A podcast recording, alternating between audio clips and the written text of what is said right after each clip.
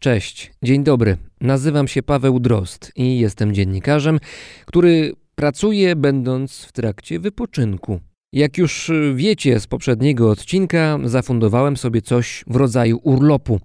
Staram się nieco odpocząć, tworząc jednocześnie dla Was nowe odcinki. Trzy z nich, bym mógł nieco złapać oddech, usłyszycie w wersji light, uproszczonej.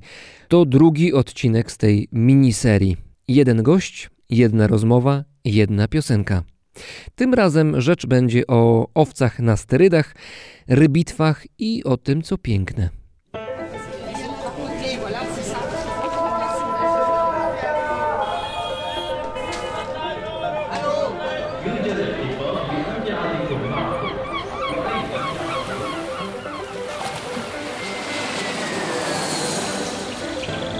Per capire arma, come deve essere programmato il.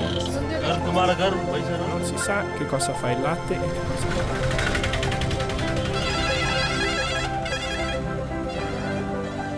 Brzmienie świata z lotu Drozda.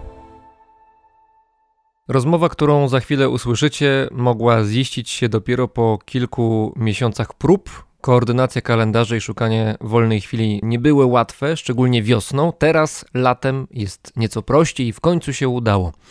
Razem z nami jest Piotr Hara, przyrodnik, fotograf specjalizujący się w fotografii przyrodniczej, wielokrotnie nagradzany i wyróżniany w wielu konkursach fotograficznych. Dzień dobry panu. Dzień dobry, kłaniam się. Wiem, że wrócił pan właśnie z tak zwanego terenu. Czy to była kolejna zarwana noc spędzona gdzieś na mokradłach i z komarami? No, rzeczywiście komary właśnie przeżywają swoje apogeum i dokuczają okrutnie. Tak, było to takie właśnie typowe dla tej pory roku, a która zaczyna się dla mnie, ta aktywność pod koniec lutego w zasadzie jest związana najpierw z migracjami wiosennymi ptaków, później z ich lęgami. No i w tej chwili jest już końcówka sezonu lęgowego i ten monitoring tego okresu jeszcze wymaga takiej właśnie aktywności. Dlatego tak ciężko było o znalezienie luki w kalendarzu. Pracy i przyjemności z tego jest ogrom, z bycia tam w terenie. A druga kwestia jest też taka, że trzeba zwyczajnie czuwać, bo tam się ciągle coś złego może wydarzyć. Trzeba znać dobrze tę przyrodę i, i ta obecność jest przez to niezbędna. Szczególnie często można spotkać pana gdzieś na rozlewiskach Warty i Odry. O ile oczywiście ktoś tak jak pan spędza tam czas przed świtem, to takich osób pewnie wiele nie ma. Ale nawet gdyby takie osoby się znalazły, to i tak nie byłoby pana łatwo dostrzec, bo ma pan bardzo rozbudowany kamuflaż. Nie tylko ptaki, myślę, mogłyby się nabrać, ale ludzie również. Do tego wrócimy później może, ale najpierw o tym, co pan fotografuje. I teraz może powiem coś, co zabrzmi banalnie, może nawet nieco pretensjonalnie, ale chyba czasami są takie chwile, takie momenty, kiedy zdanie tego typu ma sens i, i ma jakąś, nawet bym powiedział, głębię. To znaczy, pana interesuje piękno, tak, oczywiście, że piękno. Bo od tego się zaczyna. W pewnym momencie każdy z nas podejmuje jakieś wybory, czyli poświęca czemuś czas, żeby na to poświęcenie się zdobyć, musi być jakiś motyw do tego go skłaniający. I różne są motywy naszych działań. W tym przypadku dawka piękna, którą dane jest mi przeżywać i to w jakim stopniu pozytywnie ona wpływa na to moje życie, na moją tak zwaną radość życia, ona jest czynnikiem determinującym późniejsze działania, ale właśnie u podstaw wszystkiego stoi piękno i wdzięczność za możliwość jego przeżywania. Bo to jest chyba tak, że kiedy pan wyrusza w teren tak zwany, gdzieś właśnie na te mokradła, gdzieś wchodzi pan w kontakt z przyrodą, ale też z komarami oczywiście przy okazji, to jest tak, że pan trochę traktuje to tak, jakby. Znaczy to jest oczywiście pańska praca, ale trochę pan to, to traktuje tak, jakby znawca sztuki albo w ogóle człowiek wrażliwy na przykład na malarstwo chodził do galerii sztuki, siadał na jednym ze skórzanych, już nieco wytartych foteli, które czasami dla mm, zwiedzających się znajdują, siadał i patrzył sobie na obraz i podziwiał. Pan tak robi codziennie albo bardzo często, tylko że obrazy nie są namalowane, tylko są prawdziwe i to jest przyroda. Hmm, tak, myślę, że nawet w dużym stopniu tak należy postrzegać tę przyrodę, tę przestrzeń. Chodzi mi o naturalną, piękną przestrzeń. Można ją, i myślę, że wielu z nas tak ją traktuje, jak autentyczną, żywą galerię, gdzie możemy doświadczyć podobnych uczuć do tych, które przeżywamy właśnie w kontakcie z dziełami wielkich mistrzów. I ponieważ jest to właśnie dynamiczne, każdy dzień w przyrodzie jest inny. Nawet jeżeli jest to to samo miejsce, to samo środowisko, tych niuansów, zależności jest tak wiele, że mamy przed sobą nieco inny spektakl. W tej chwili pańską galerią sztuki, którą pan odwiedza i ogląda, są rozlewiska, mokradła, tereny zalewowe w Polsce, szczególnie w zachodniej Polsce. Natomiast nieco wcześniej w centrum zainteresowania były pustkowia północnej Europy. Co było w tamtej galerii takiego fascynującego, że warto było usiąść na tym skórzanym, wytartym fotelu i oglądać? Wbrew pozorom myślę, że chodzi o podobne doświadczenia. Jest to po prostu kontakt z czymś absolutnie pięknym. Ten kontakt jest bardzo miły, budujący. I ponieważ ma wiele twarzy, no to warto te twarze różne poznać. I właśnie jedną z takich twarzy, która jest bardzo ponętna, jest północ. Każdy, kto się zachwyca przyrodą, to sądzę, podobnie jak ja, tęskni. No w moim przypadku na samej tęsknocie się nie skończyło. Tych wypraw było kilka. W młodości wczesnej, bo wciąż się mam za młodego, podjąłem kilka w czasach studenckich wypraw na północ Skandynawii. A całkiem niedawno odbyłem dwie wyprawy w bardzo arktyczny, piękny świat, związany z, zarówno z krajobrazem, tym arktycznym, jak i mieszkańcem tamtych terenów. Chodziło konkretnie o woły piżmowe, piżmowało arktyczne, druga nazwa. Mm, niesamowite stworzenia pod wieloma względami, począwszy od wyglądu, skończywszy na warunkach siedliskowych i na zachowaniach, które są dla nich specyficzne. To znaczy grają w Scrabble po godzinie 12, a nie po 15. Na czym polega specyfika ich zachowania? No, pierwsze co zaskakuje każdego podróżnika, który się tam zapuści, to to, że wydaje się, że w takich warunkach nie żyje już nic.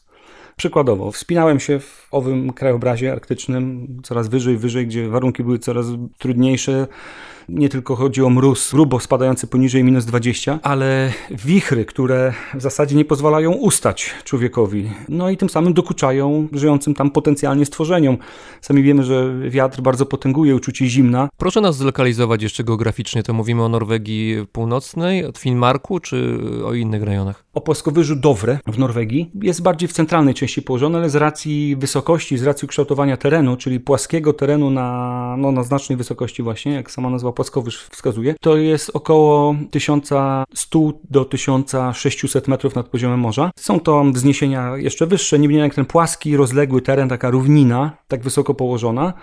I z racji tejże wysokości panują tam warunki charakterystyczne dla Spitsbergenu. Nie chcę powiedzieć, że jest to miejsce jakoś szczególnie uczęszczane, znane polarnikom, ale podobny płaskowyż, już tak, on jest położony nawet bardziej na południe jeszcze od Dowre, to płaskowyż Hardangervidda, jeszcze rozleglejszy, ale właśnie mający podobną wysokość nad poziomem morza i mimo, że jest bardziej na południe jeszcze ulokowany, to jest to popularne miejsce wśród polarników, którzy zaprawiają się w trudach przetrwania w tych warunkach arktycznych, przygotowując się na wyprawy, na przykład pan Marek Kamiński właśnie do tego grona należy, którzy wykorzystywali, ale także zdobywca bieguna południowego Roald Amundsen także przemierzył ów płaskowyż, także jest to miejsce, które z racji swego położenia geograficznego jest stosunkowo dostępne dla nas, Europejczyków, a z racji swoich specyficznych warunków, chodzi tu przede wszystkim o kształtowanie, tworzą się tam warunki charakterystyczne dla obszarów już ze skrajnej północy,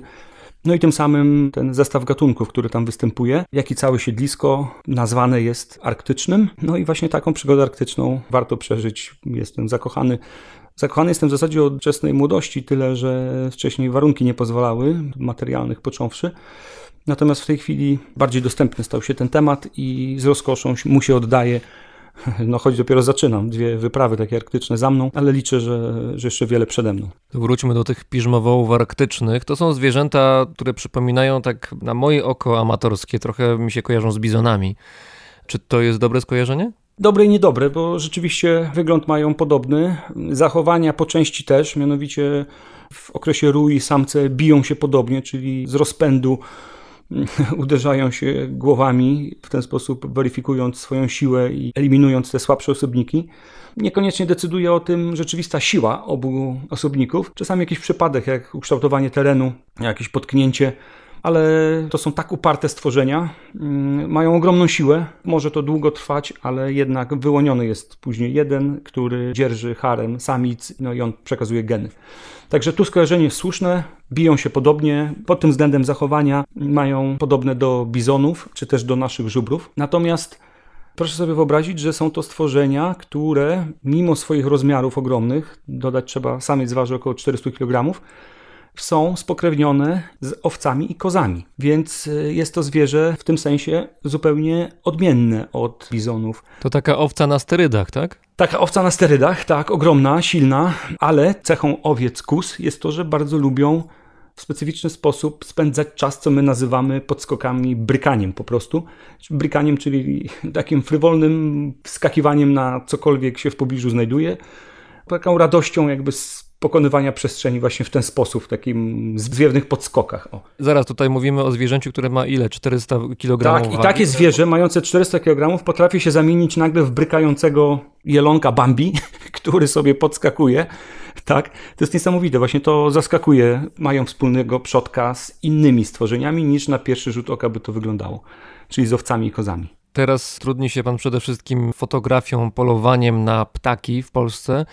Ptaki z natury rzeczy są raczej niegroźnymi zwierzętami, natomiast ten piżmowu arktyczny to już tak nie do końca, bo jakby akurat jeden samiec z drugim albo samica były nastawione tak nie do końca przyjaźnie, no to w tym momencie mogą chcieć takiego intruza z aparatem fotograficznym usunąć. I pan miał chyba taką sytuację. Owszem, mogą to zrobić. Rzeczywiście takiej sytuacji doświadczyłem. Trzeba mieć to na uwadze i niewątpliwie jest to zagrożenie. Trzeba postępować zgodnie z ogólnoznanymi w kręgu podróżników przemierzających tamte przestrzenie zasadami, czyli. Czyli ratuj się kto może. No, nie da się tam ratować. Proszę wierzyć, nawet w rakietach śnieżnych po świeżym śniegu nie sposób przemieszczać się szybko, choć wbrew logice, i sam byłem zaskoczony, efektywnością swojego biegu w takich warunkach, kiedy przyszły uciekać, to rzeczywiście brykałem niemalże jak te woły, chociaż zapłaciłem to językiem do pasa. Tak się umęczyłem. Bo niezwykle jest to energochłonne, przemieszczanie się w głębokim śniegu. Tymczasem woły, właśnie one tam w takich warunkach, w głębokim śniegu, świeżym, potrafią jak bez przeszkód po prostu, jak pług śnieżny zasuwają, tylko śnieg sypie dookoła, zaspy w bok pierzchają i taki taran po prostu pędzi z prędkością 40, nawet 60 km na godzinę, potrafi się rozpędzić. Zatem człowiek nie ma tam żadnych szans, jeżeli dojdzie już do ataku. Na szczęście jednak biologia tych stworzeń jest taka, że one często chcą przestraszyć, a nie rzeczywiście atakować. I to jest duża ulga dla potencjalnych amatorów tych widoków. Czyli rozpędzają się, pędzą, po czym po kilkunastu metrach zatrzymują się, obserwują tego przeciwnika. No i z takim czymś miałem do czynienia, kiedy właśnie się rozpędził, stanął, no i zawrócił na szczęście, pozwolił tym samym ujść z życiem. i możemy kontynuować rozmowę, bo niewątpliwie nie miałbym żadnych szans, gdyby doszło do takiego starcia. Kiedyś, kiedy miałem przyjemność i możliwość oglądania Antarktyki, to z człowiekiem, który tam wielokrotnie, wiele lat pływał na jachtach, rozmawialiśmy o tym, jak określić to, co się widzi na zewnątrz. I tutaj nie tylko chodziło o góry lodowe, o morze, ale też o zwierzęta. No cały ten zestaw wrażeń wizualnych, ale też dźwiękowych oczywiście tej samego mrozu. I on wtedy wspomniał o takim słowie, którego użył bodaj Dobrowolski, mniej znany może od Arstowskiego, ale jednak doświadczony polarnik. I ów Dobrowolski użył takiego słowa w tym kontekście jak majestat, że zachwycamy się majestatem tego, co jest przed nami, majestatem przyrody. Czy to jest odpowiednie słowo, które określa to, czego Pan szuka w przyrodzie, tego piękna, tej estetyki. Czy to w ogóle można nazwać? No bo to jest tak samo, jakby kogoś zapytać, dlaczego mi się akurat ten obraz podoba, a tamten już nie.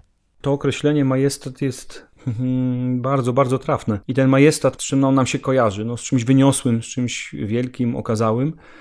Więc w tym przypadku chodzi o coś, co do tego stopnia zaskakuje, że nie potrafimy że się zapowietrzamy.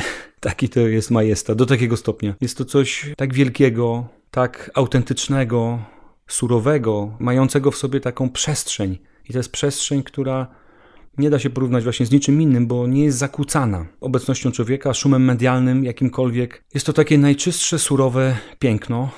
Kiedyś z kolei mi przyszło takie porównanie, że chyba najlepiej przyrody byłoby się uczyć, właśnie zaczynając od skrajnej północy lub skrajnego południa i przemieszczać się w kierunku równika, po kolei odbierając po drodze zmiany, wzrost różnorodności biologicznej, pojawiałoby się coraz więcej gatunków, natomiast tam na samej północy jest ich bardzo niewiele. Jest czysta surowość i to jest taka przestrzeń przez to zaskakująca. No i na dodatek swoimi formami krajobrazu i proszę mi wierzyć, nie chodzi tutaj tylko o góry lodowe, które rzeczywiście robią wrażenie. Tą formą krajobrazu jest na przykład wystająca z pokrywy śnieżnej jedna gałązka karłowatego drzewka, które próbuje się tam przebić i ta gałązka potrafi w tej bieli jeden punkt, jeden akcent wywołać takie osłupienie. W tym minimalizmie jest niezwykłe piękno. Odczytujemy z każdej gałązki, z każdego suchego listka. Tam w tych warunkach na dodatek jest przystrojony mrowiem szadzi, osiadłego śniegu, wbitego wręcz w tą strukturę, że tworzy się coś na kształt rzeźby.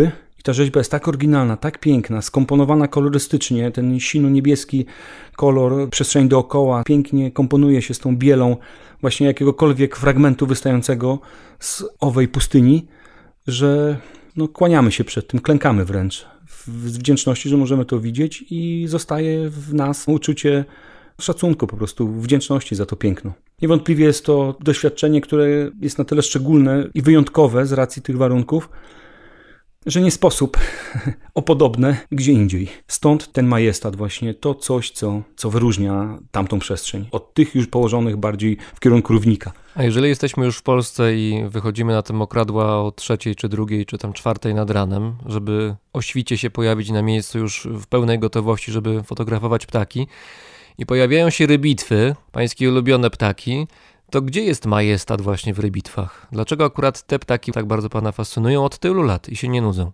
Zanim wejdę w rybitwy, to trzeba dodać, że kwestia znudzenia to bardziej kwestia wyrobienia w sobie zmysłu obserwatora. Jeżeli ktoś obserwuje i potrafi dostrzegać niuanse otaczającej rzeczywistości, to nuda przestaje być w jego życiu obecna i to tak już na samym wstępie. Także nie, nie sposób się znudzić, obserwując nawet ten sam gatunek w tych samych okolicznościach. To raz. A dochodząc do majestatu, to rzeczywiście te stworzenia są jednymi z najpiękniejszych. Chociaż oczywiście mówię to mrużąc oko, bo można tak mówić o każdym stworzeniu. Jestem tego świadomy w pełni. Ja sam fotografując bitwy i tym samym przyglądając im się bardzo wnikliwie, przyłapałem się przy czwartym czy piątym gatunku, że mówię sobie sam do siebie, prowadząc jakiś wewnętrzny dialog, że ową rybitwę, którą właśnie fotografuję, ów gatunek, jest najpiękniejszy ze wszystkich jeszcze piękniejszy niż te, które fotografowałem wcześniej. No i ponieważ powtarzało się tu regularnie przy każdej, którą poznawałem, no to zdałem sobie sprawę, że wartościowanie nie ma tu sensu, bo każdy na swój sposób gatunek jest oczywiście piękny. Natomiast tym, co wyróżnia rybitwy na tle innych ptaków, jest umiejętność lotu i gracja, z jaką w powietrzu się poruszają. Jest to niewątpliwie prawdziwy balet. Taka umiejętność, która je wyróżnia. Wiele rekordów związanych z umiejętnością lotu do rybit właśnie należy. Tutaj znanym powszechnie jest rekord dystansu, jaki pokonuje jakiekolwiek zwierzę na Ziemi. I ta długość dystansu należy, ten rekord długości dystansu należy do rybitwy popielatej, która gniazdując w rejonach arktycznych, a zimując w rejonach antarktycznych, przelatuje cały glob w ciągu jednego roku. Ku naszemu zdumieniu okazało się, ciągu ostatnich kilku lat badania pokazują, że potrafią też te bitwy lecieć nad oceanem zupełnie. Ogromne dystanse pokonywać nad, wydawałoby się, pustym oceanem, pustką, gdzie nie mogą usiąść. To jest powszechne, jak się okazuje, nie był to wyjątek.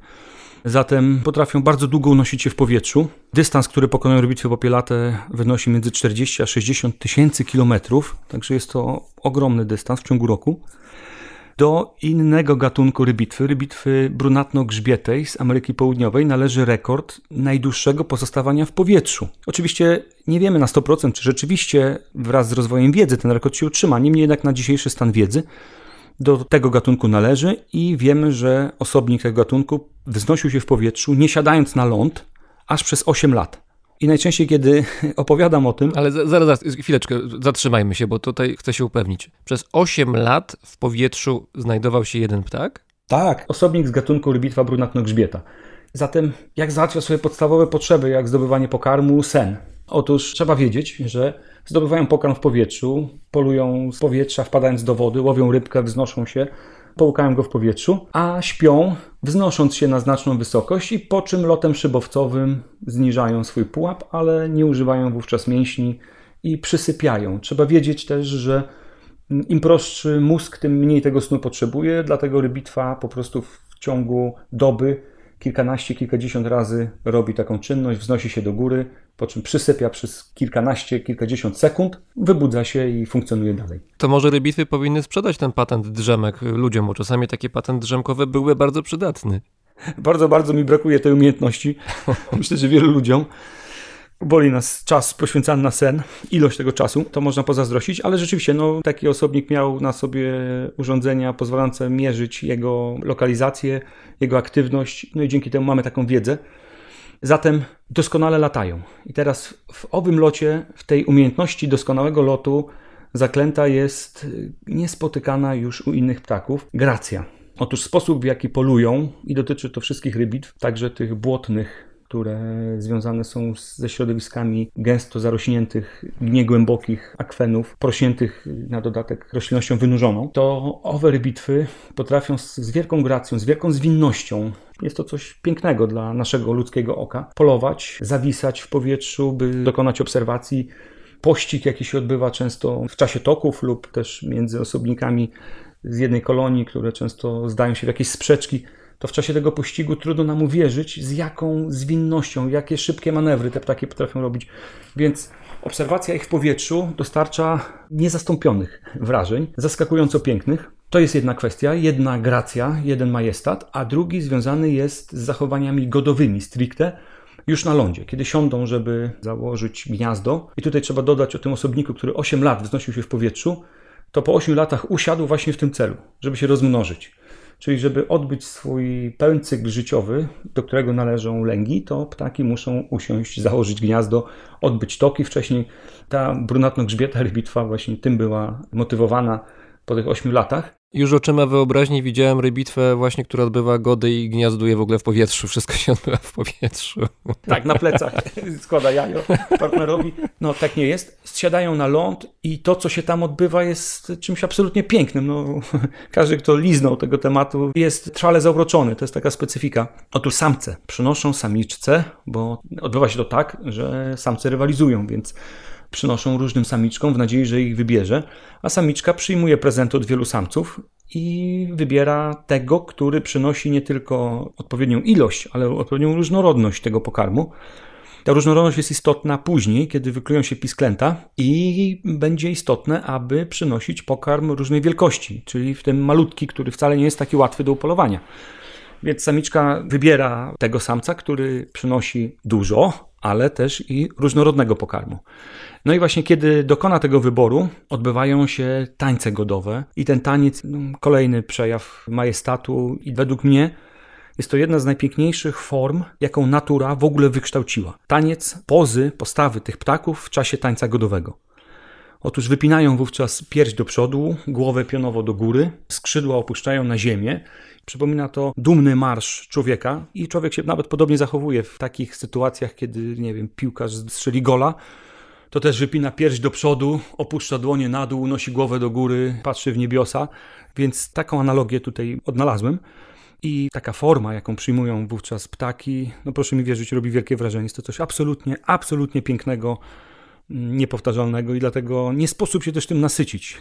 Zobaczywszy to raz, drugi, nie jest tak, że okej, okay, widziałem, teraz zajmę się czymś innym, tylko chcemy tego doświadczać z roku na rok, cieszyć się Przykładem jest tutaj taki fakt, że gdy jestem w terenie i usłyszę w danym sezonie pierwszą powracającą z Afryki rybitwę, dostaję autentycznych ciarek, dosłownie jeżą mi się włosy na plecach, bo na głowie już nie mam. Dzieje się tak dlatego, że jest to zwiastun czegoś absolutnie pięknego. Wiem, że wkrótce nastąpi piękny cykl. No i teraz kibicuję jedynie i staram się tutaj wiele energii włożyć w to, żeby ten cykl odbył się niezakłócenie, czyli żeby wychowały się pisklęta, żeby wszystko poszło tak, jak powinno pójść. No, to tutaj jest ta gracja właśnie, o którą pan pytał, ten majestat. Żeby tego doświadczyć, trzeba być odpowiednio przygotowanym, przeszkolonym, trzeba rozumieć, co się dzieje przed naszymi oczami, co po czym następuje, z czego wynika. Tutaj nie może być przypadku. I teraz potrzebny jest też po prostu sprzęt. Jeżeli się patrzy na pańskie zdjęcia, ale nie na których widać ptaki czy jakieś inne zwierzęta, ale kiedy ktoś fotografuje pana w trakcie pracy, no to wygląda pan jakby pan właśnie z Wietnamu z końca lat 60. uciekł i gdzieś byłby pan częścią oddziałów sił specjalnych, bo jest pan ubrany w różne dziwne zabawki. Czasami to wygląda tak właśnie jakby to była jakaś scena Rambo 5 albo 7 albo nie wiadomo co takiego. Tutaj jest ten sprzęt niezbędny, bo inaczej bez tego dobrych zdjęć by nie było. Rzeczywiście, jest to wymóg. Są ludzie, którzy kochają, mają pasję taką, że po prostu zaszywają się gdzieś w terenie i kamuflują, i to stanowi cel dla nich sam w sobie. Obserwacja przyrody chyba drugi albo trzeciorzędny. Natomiast w moim przypadku jest odwrotnie, czyli żeby móc do tych stworzeń dotrzeć, musiałem poznać tajniki kamuflażu i rzeczywiście są one na tyle skuteczne, że doświadczyłem wielu zabawnych sytuacji, kiedy obok mnie działo się jakieś życie, ludzkie życie, kompletnie nie będąc świadomym, że obok jest człowiek i nie byłem schowany w szuwarach gęstych, że nie sposób nie było dostrzec, tylko byłem zupełnie na otwartej przestrzeni, czyli na przykład w kożuchu roślin pływających, ale nad wodę nie wystawało nic oprócz mnie. Ale mimo wszystko przypominałem tak element naturalny, że nie tylko rybitwy, ale także ludzie, którzy znaleźli się gdzieś tam w pobliżu, nie byli w stanie mnie rozpoznać. Także rzeczywiście ten kamuflaż to potwierdza, że jest skuteczny. No i też jest oczywiście niezbędny dlatego, aby wtopić się w to środowisko w sposób niezakłócony, żeby to życie tam mogło swoim rytmem właściwym, bez przeszkód się odbywać, bo to jest cel każdego fotografa, aby nie tylko zobaczyć to zwierzę, sfotografować, ale żeby poczuć się cząstką tego pięknego misterium, które się przed nami odbywa. A żeby się poczuć cząstką, no nie można wywoływać tam zakłóceń. Trzeba się wtopić i poczuć tę harmonię w pełni. To jest nasz cel. Liczył pan kiedyś, ile nocy w ciągu roku spędza pan we własnym łóżku jak zwykły człowiek, a nie gdzieś tam na karimacie czy w jakimś innym dziwnym schronieniu na mokradłach z komarami? No mniej więcej takie szacunki, owszem, dokonywałem takowych. Takim niedoszacowaniem byłoby, gdybym stwierdził, że pół roku w roku spędzam właśnie niedosypiając, bo najczęściej to wygląda tak, że śpię jednak w swoim łóżku, tyle że bardzo krótko. A resztę czasu tej późnej nocy wczesnego ranka spędzam już w terenie, czy też nocą zupełnie się zakradam i czekam na świt. I wówczas rzeczywiście tam zdarza mi się przysnąć. Przerozkoszne jest spanie w takich okolicznościach, proszę mi wierzyć, kiedy budzi nas co chwilę pomruk znajdującego się w pobliżu żurawia, czy też rechot żab na przykład. To jest coś pięknego, coś, co nadaje kolorytu całej tej przygodzie, bo to warto tutaj zaznaczyć, że fotografia jest tak jakby czubkiem góry lodowej. Tak naprawdę przygoda, która stanowi wartość całego tego doświadczenia, jest dużo szersza. Oczywiście kojarzą nam się głosy, ale to są też zapachy, to jest też świadomość i to jest też wszystko, co się dookoła dzieje i taka świadomość, że jesteśmy w czymś pięknym, w czymś żyjącym sobie swoim własnym życiem, niezakłóconym przez nas i przez nikogo, no jest przeogromnym zaszczytem. Tak to odczytujemy, my fotografowie. Mam wrażenie, że, że pan jako człowiek jest pan raczej optymistą, mimo różnych cieni, które gdzieś tam się pojawiają generalnie w świecie przyrody, różnych zagrożeń, które na tę przyrodę czyhają, bo jest ich przecież całkiem sporo. Ma pan takie spojrzenie, że to światełko w tunelu gdzieś jest i stara się pan też, czy to szkoląc fotografów młodego pokolenia, stara się pan właśnie pokazać trochę tego świata, tej swojej perspektywy patrzenia na przyrodę, po to, żeby ci ludzie przeszli na tę dobrą stronę, to znaczy tę stronę powiedzmy właściwą, gdzie patrzy się na przyrodę nie jak na przeciwnika albo ciało obce, tylko jako część nas samych. Tylko pytanie jest, czy każdy z nas, każdy człowiek jest gotowy na to, żeby taką perspektywę, taką, którą Pan ma, żeby ją przyjąć. Czy to jest możliwe? Dość złożone pytanie, ale zacznę od tego optymizmu. Oczywiście, jestem optymistą, chociaż można powiedzieć, że ów optymizm nie jest linią ciągłą na osi X, Y, tylko podlega pewnym fluktuacjom. Wywodzę swój optymizm i dlatego w ogóle o tym wspominam, że każdy ma na to równe szanse i powinien spróbować przynajmniej, bo dużo od tego zależy później. Chodzi mi o tak zwaną radość życia i ta świadomość, że zostaliśmy obdarzeni ogromem możliwości, po pierwsze. Ten optymizm mój obudził się, kiedy pierwszy raz jako młodzieniec stanąłem w Tatrach rozejrzałem się tak jakby wnikliwiej, bo jakiś czas już tam przebywałem, ale nagle dotarło do mnie olśnienie, że to piękno, ten ogrom możliwości podziwiania, przeżywania tego piękna, uświadomiłem sobie, że jest dostępny dla każdego z nas. Nie trzeba się wysoko urodzić, być wyjątkowo majętnym, żeby doświadczać tego cudu obcowania z pięknem naszej planety, tylko jest dostępny każdemu, w tym jak ja wówczas bardzo skromnie żyjącemu uczniowi ledwo ciułającemu, że tak powiem, odkładającemu sobie na każdą tego rodzaju wyprawę. Więc pojawił się wówczas niegasnący do dziś optymizm, że przecież życie jest prezentem. Jeżeli mamy możliwość przeżywania piękna i nie jest ono ograniczone dla wybrańców, no to powinniśmy mieć głęboką wdzięczność za przeżywanie owego piękna. I teraz to, co się dzieje z nami pod jego wpływem, czyli wartościowanie swojego życia, a to z kolei jest nie do przecenienia, bo proszę mi wierzyć, że bardzo wiele postaw życiowych, takich, które definiują naszą rzeczywistość ludzką, zależna jest właśnie od tak zwanej radości życia, od tego, czy my się z tego życia cieszymy, doceniamy jego zależności, jego niuanse, czy też nie. Jeżeli doceniamy, stajemy się lepszymi gospodarzami swojego czasu, który został nam dany, tych kilkadziesiąt lat życia, ale stajemy się też gospodarzami pewnej rzeczywistości, która nas otacza. I ta rzeczywistość jest w sensie społecznym istotna, bo każdy z nas wpływa, czy jest tego świadomy, czy nie, na rzeczywistość też innych ludzi i w ogóle innych stworzeń. Kreujemy rzeczywistość. I ta rzeczywistość niewątpliwie będzie lepsza wtedy, kiedy żyjemy ze świadomością, że zostaliśmy czymś obdarowani. Odpowiadając Panu na pytanie, skąd optymizm? Z tego prostego, stosunkowo prostego, dostępnego każdemu doświadczenia. Druga dawka optymizmu, którą mógłbym tutaj sypnąć też innym, jest związana z obcowaniem, uwaga, z ludźmi. Nie chodzi już tylko o samą przyrodę, bo przyroda pozwala doświadczać, jest przestrzenią jedyną w swoim rodzaju, pomaga nam samych siebie poznać i właśnie wartościować składowe naszego żywota. Ale właśnie pojawia się drugi element naszej rzeczywistości ludzie dookoła, którzy na co dzień no, są jednak destruktywni. Wiemy, mm, jesteśmy zasypywani wieloma informacjami, które budzą taki lęk, że ta przestrzeń, która nam daje, pozwala odnaleźć samych siebie, odnaleźć w wielu przypadkach sens, pozwala odnaleźć radość, to ta przestrzeń jest zagrożona działalnością człowieka.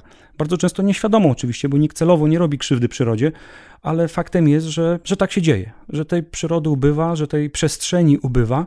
A skoro jest tak istotna, no to należy zadbać, żeby ją zachować dla następnych, dla tych, którzy żyją już dziś, ale także tych, którzy będą żyć po nas. Jestem w ogóle przekonany, że istnienie ludzkości jest w dużym stopniu zależne od tego, czy nie zaczniemy wkrótce współpracować na rzecz wspólnego dobra, jakim jest jakość życia. I na tą jakość życia wpływa czyste powietrze, czysta woda, estetyczny krajobraz dookoła, możliwość przeżywania autentycznego piękna. Jeżeli nie zapewnimy tego sobie i przyszłym ludziom, jestem przekonany, że ludzkość czeka mrok. Ja bym teraz chciał w takim razie wrócić do tego, gdzie jest ten optymizm w kontakcie z ludźmi, bo kiedy widzę po raz kolejny, że na skrzyżowaniu, gdzie czekają samochody na zielone światło, z kilku samochodów otwierają się szyby i wylatują z nich pety na zewnątrz, po czym samochody wyjeżdżają, no to jest może banał, ale no nie coś takiego porusza. Ja, ja nie rozumiem, z czego to się bierze, bo to jest po prostu nielogiczne. Znaczy ten pet tam się będzie toczył przez te ulice, a potem przez trawniki przez wiele, wiele lat i ten człowiek, który go wyrzucił, najprawdopodobniej z czego będzie widział wiele razy, bo pewnie jeździ tą drogą codziennie do pracy. Tak, panie Pawle, boli mnie to tak samo. Proszę mi wierzyć, że doświadczam na co dzień dużo bardziej drastycznych widoków, mianowicie jestem w niezwykle pięknych, nie tylko przeze mnie ocenianych jako piękne walory krajobrazowe, i widzę, trudno stanąć w tej przestrzeni tak, aby nie usłyszeć hałasu uginającej się plastikowej butelki pod stopami lub też innego śmiecia zostawionego przez człowieka, który podaje jako powód swojej wizyty w takim miejscu piękno przyrody. Tak naprawdę z tego jest dużo więcej, gdzie człowiek zupełnie bezmyślnie po prostu niszczy, degraduje to coś, co sam uznaje, co ciekawe. Sam uznaje, sam żąda, oczekuje, żeby tu było ładnie, bo on tu chce przyjechać jeszcze korzystać z, tego, z tej przyrody. Śmieci pozostawione po tej grupie no nie pozostawiają złudzeń, że nie ma tam świadomości tak prostego, logicznego przełożenia. No właśnie, to co powiedziałem wcześniej, tutaj nie ma logiki. No to gdzie jest ten optymizm? Optymizm jest właśnie w dalszej części opowieści, mianowicie przez pierwsze lata swojej fotograficznej aktywności fotografowałem stricte, czyli wychodziłem do przyrody po to, żeby przeżyć coś pięknego i najlepiej jeszcze przynieść piękną fotografię, którą będę mógł się podzielić z bliskimi, ze znajomymi, czy też jeszcze szerzej. Tak to później wyglądało, że coraz szersze kręgi, ten krąg odbiorców było już coraz więcej.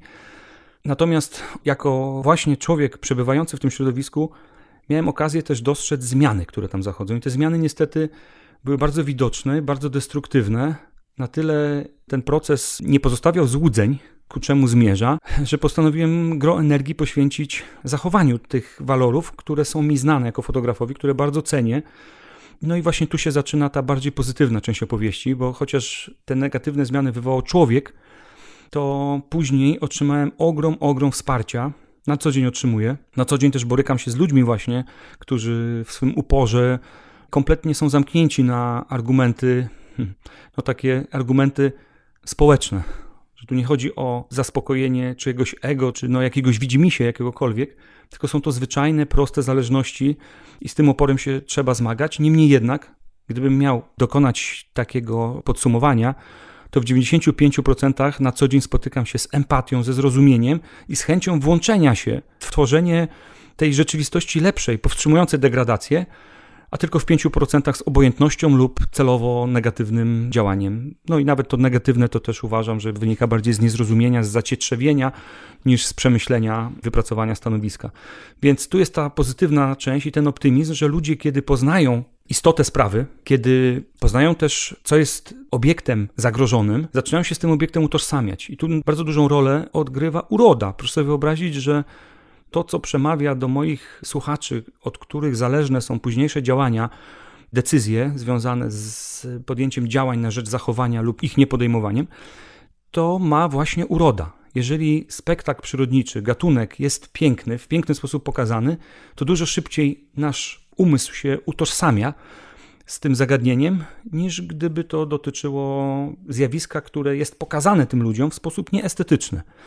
No i tutaj samo się nasuwa ta wypracowana przez lata fotografia, dążenie do pokazania w sposób estetyczny bardzo mi w tym pomogła. Ludzie utożsamiają się z czymś pięknym, ale to piękno muszą poznać. Ludzie są w stanie rzucić wszystko niemalże i chwycić się za łopatę, mimo że cierpią na chroniczny brak czasu i zasuwać po to, żeby stworzyć coś, co pozwoli przetrwać elementowi tworzącemu piękno naszej rzeczywistości. Tutaj znowu wracamy właśnie do tego piękna i tutaj piękno funkcjonuje jak taki zapalnik, który powoduje pozytywną eksplozję. No panie Pawle, myślę, że tak. My, ja sądzę, że my na co dzień o tym zapominamy zupełnie, jaką rolę pełni zwyczajnie wrażenia estetyczne, którymi jesteśmy otaczani. Mamy zaprzątnięte umysły najczęściej jakimiś sprawami codziennymi, materialnymi. Natomiast myślę, że każdy zastanawiając się chwilkę, szybko dojdzie do takiego wniosku, że rzeczywiście, kiedy przykładowo wyjdzie sobie na taras, gdzie jest zieleń, gdzie jest odrobina natury, poczuje się tam lepiej. To jest taki pierwszy krok do zrozumienia tego, że my jesteśmy od tej natury zależni, że nasze samopoczucie, nasza radość życia jest zależna od tego, czy mamy wokół siebie jakieś naturalne piękno, czy też nie. Dlatego, choć o tym nie mówimy i nieliczni w ogóle się na tym zastanawiają, to jednak jestem przekonany, że powszechnie każdego z nas dotyczy. Proszę opisać zdjęcie, które ostatnio pan wykonał, z którego pan jest zadowolony na którym widać, nie wiem, czy rybitwę, czy jakiegoś innego ptaka. Jak to było z tym zdjęciem? Kilka dni temu wróciłem ponad dwie doby z terenu. Była to kolonia, jak żeby inaczej, rybitw. W tym przypadku białowąsych. Tutaj trzeba dodać, że nasze krajowe rybitwy, jest ich sześć gatunków, posiadają status nielicznych lub skrajnie nielicznych. Nie są to ptaki pospolite, najczęściej mylone z gatunkami mew. Niektóre mewy z racji tego, że korzystają z obecności człowieka, na przykład z pokarmu znajdującego się na wysypiskach śmieci. Ich populacje są niezagrożone, są liczne i ludzie często mylą mewy z rybitwami. Tym samym w pewnym sensie obrywa się rybitwą. Natomiast cechą rybitw jest to, że zupełnie są antropofobami wręcz. Bardzo ucierpiały na obecności człowieka. Człowiek zabrał im siedliska najpierw, zniszczył, przekształcił koryta rzeczne w drogi wodne i w ten sposób nie mają gdzie gniazdować tych swoich naturalnych wysp. Nawet jeśli wyspy, tak jak na Wiśle, jeszcze są, funkcjonują. Nie została ta rzeka do tego stopnia przekształcona, uregulowana i zamieniona w drogę wodną, no to została już obwałowana. I przez to, że została obwałowana, to poziom wody gwałtownie się wznosi po każdych opadach, zalewając te wyspy. Zatem, mimo że siedlisko jest, no to inne przekształcenie degraduje owo siedlisko i uniemożliwia im lęgów. Kolejnymi zagrożeniami, bardzo destruktywnymi tutaj w naszych z kolei rejonach, jest prowadzenie obcych inwazyjnych gatunków. Chodzi tu o, głównie o norkę amerykańską i o szopa pracza, które dziesiątkują strasznie. Do tego stopnia strasznie, że przez y, dekadę na wyjątkowo korzystnych siedliskach, gdzie te bitwy były, to były jedne z najważniejszych miejsc na całym Pomorzu i tu w zachodniej Polsce, przez dekadę nie odbywały się lęgi, czy lęgi się może i odbywały, ale bez sukcesu lęgowego. Wchodził tam drapieżnik. Przykładem może być bieżący rok, gdzie ponad 180 jaj na wyspach naturalnych zostały splądrowane w większej części przez szopa pracza zostawił ślady nie pozostawiające złudzeń i w nieco mniejszym stopniu przez norkę amerykańską. Dlatego tych czynników jest tak wiele, które zepchnęły w zasadzie na granicę, na margines zagrożenia, czy ten gatunek przetrwa lub nie przetrwa, stoi pod znakiem zapytania. Te gatunki, mam tu na myśli wszystkie rybitwy. No i właśnie wracając już do konkretnego zdjęcia, była to rybitwa białowąsa. Jest to rybitwa z gatunku, z rodzaju chlidoniast, rodzaj obejmuje trzy gatunki. Wszystkie trzy związane są z bagiennym terenem, w przeciwieństwie do większości gatunków rybitw na Ziemi, które ta większość gatunków związana jest z otwartymi lustrami wody, z piaszczystym lub żwirowym, twardym podłożem. Natomiast rybitwy tego rodzaju zwane są rybitwami bagiennymi, z tej racji, że przebywają w zupełnie odmiennym środowisku, tam gdzie lustro wody jest niemal całkowicie zarośnięte lub w dużym stopniu, pokrywa owe lustro wody kożuch roślin. Woda jest niegłęboka i, co istotne, w głównym stopniu żywią się owadami, a nie rybami, w przeciwieństwie do tej większej części rybitw, które nazywane są rybitwami jasnymi, a te, o których mówię, to rybitwy ciemne. Więc wybrałem się do kolonii rybitw białowąsych, tutaj w zachodniej Polsce. I fotografia, która mnie szczególnie ujęła, jest to fotografia, w której ten piękny, zwiewnie poruszający się w powietrzu ptak niesie w dziobie, trzymając za łodygę, łodygę i liść na końcu tej łodygi grzybienia białego. Łodyżka ma długość metra, może półtora, więc bardzo długa. Wygląda to wręcz jakby sama łodyga wielka, wielki element roślinny przemieszczał się w powietrzu, bo ptak jest stosunkowo niewielki, ale jednocześnie silny i zdeterminowany i z tego materiału zielnego buduje swoje gniazdo, a w zasadzie podbudowuje, bo to gniazdo już jest, ale ponieważ jest zbudowane ze szczątków roślinnych na pływającym kożuchu roślin, to zachodzące procesy gnilne powodują, że tego materiału ubywa, zatem trzeba go uzupełniać. No i właśnie ten element biologii ptaka udało mi się sfotografować, kiedy właśnie dobudowuje swoje obecne już gniazdo, niosąc budulec i teraz fotografia ma tę swoją estetycznie szczególną cechę, że została wykonana pod światło. Pióra ptaka są prześwietlone przez e, miękkie, zachodzące już e, światło, a sam ptak leci na stosunkowo ciemnym tle i przez to prześwietlone pióra są bardzo dobrze widoczne. No całość tworzy bardzo piękny estetycznie kadr, no i stąd znalazł się w gronie moich ulubionych. Piotr Hara, fotograf, przyrodnik, poszukiwacz piękna w świecie natury. Bardzo dziękuję. Dziękuję również, kłaniam się i polecam kontakt z pięknem przyrody. Jest tam dużo, dużo więcej niż pozornie by się mogło wydawać. Proszę wiedzieć, że tam można odnaleźć nie tylko wiedzę, ale można też zanurzyć się w głąb samego siebie i odpowiedzieć sobie samemu na wiele ważnych pytań dotyczących personalnie własnego życia, czy też pytań dotyczących ludzkości, kierunków, w które zmierzamy, a także jeszcze szerzej wyjść z samego siebie. Jest to idealna ku tym przemyśleniom przestrzeń.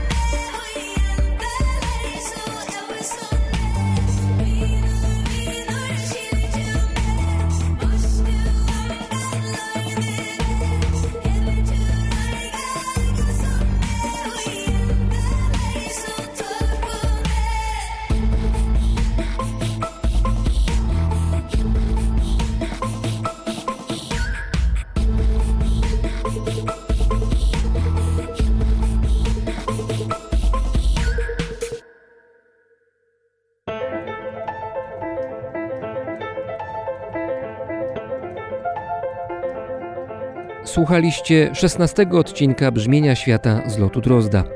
Brzmienie Świata istnieje dzięki wsparciu patronów, którzy są ze mną na Patronite i przez swoją hojność umożliwiają mi dalszą pracę. Za to serdecznie dziękuję. Doceniam tę pomoc. Paweł Drozd, czyli ja, mówi Wam dobrego dnia.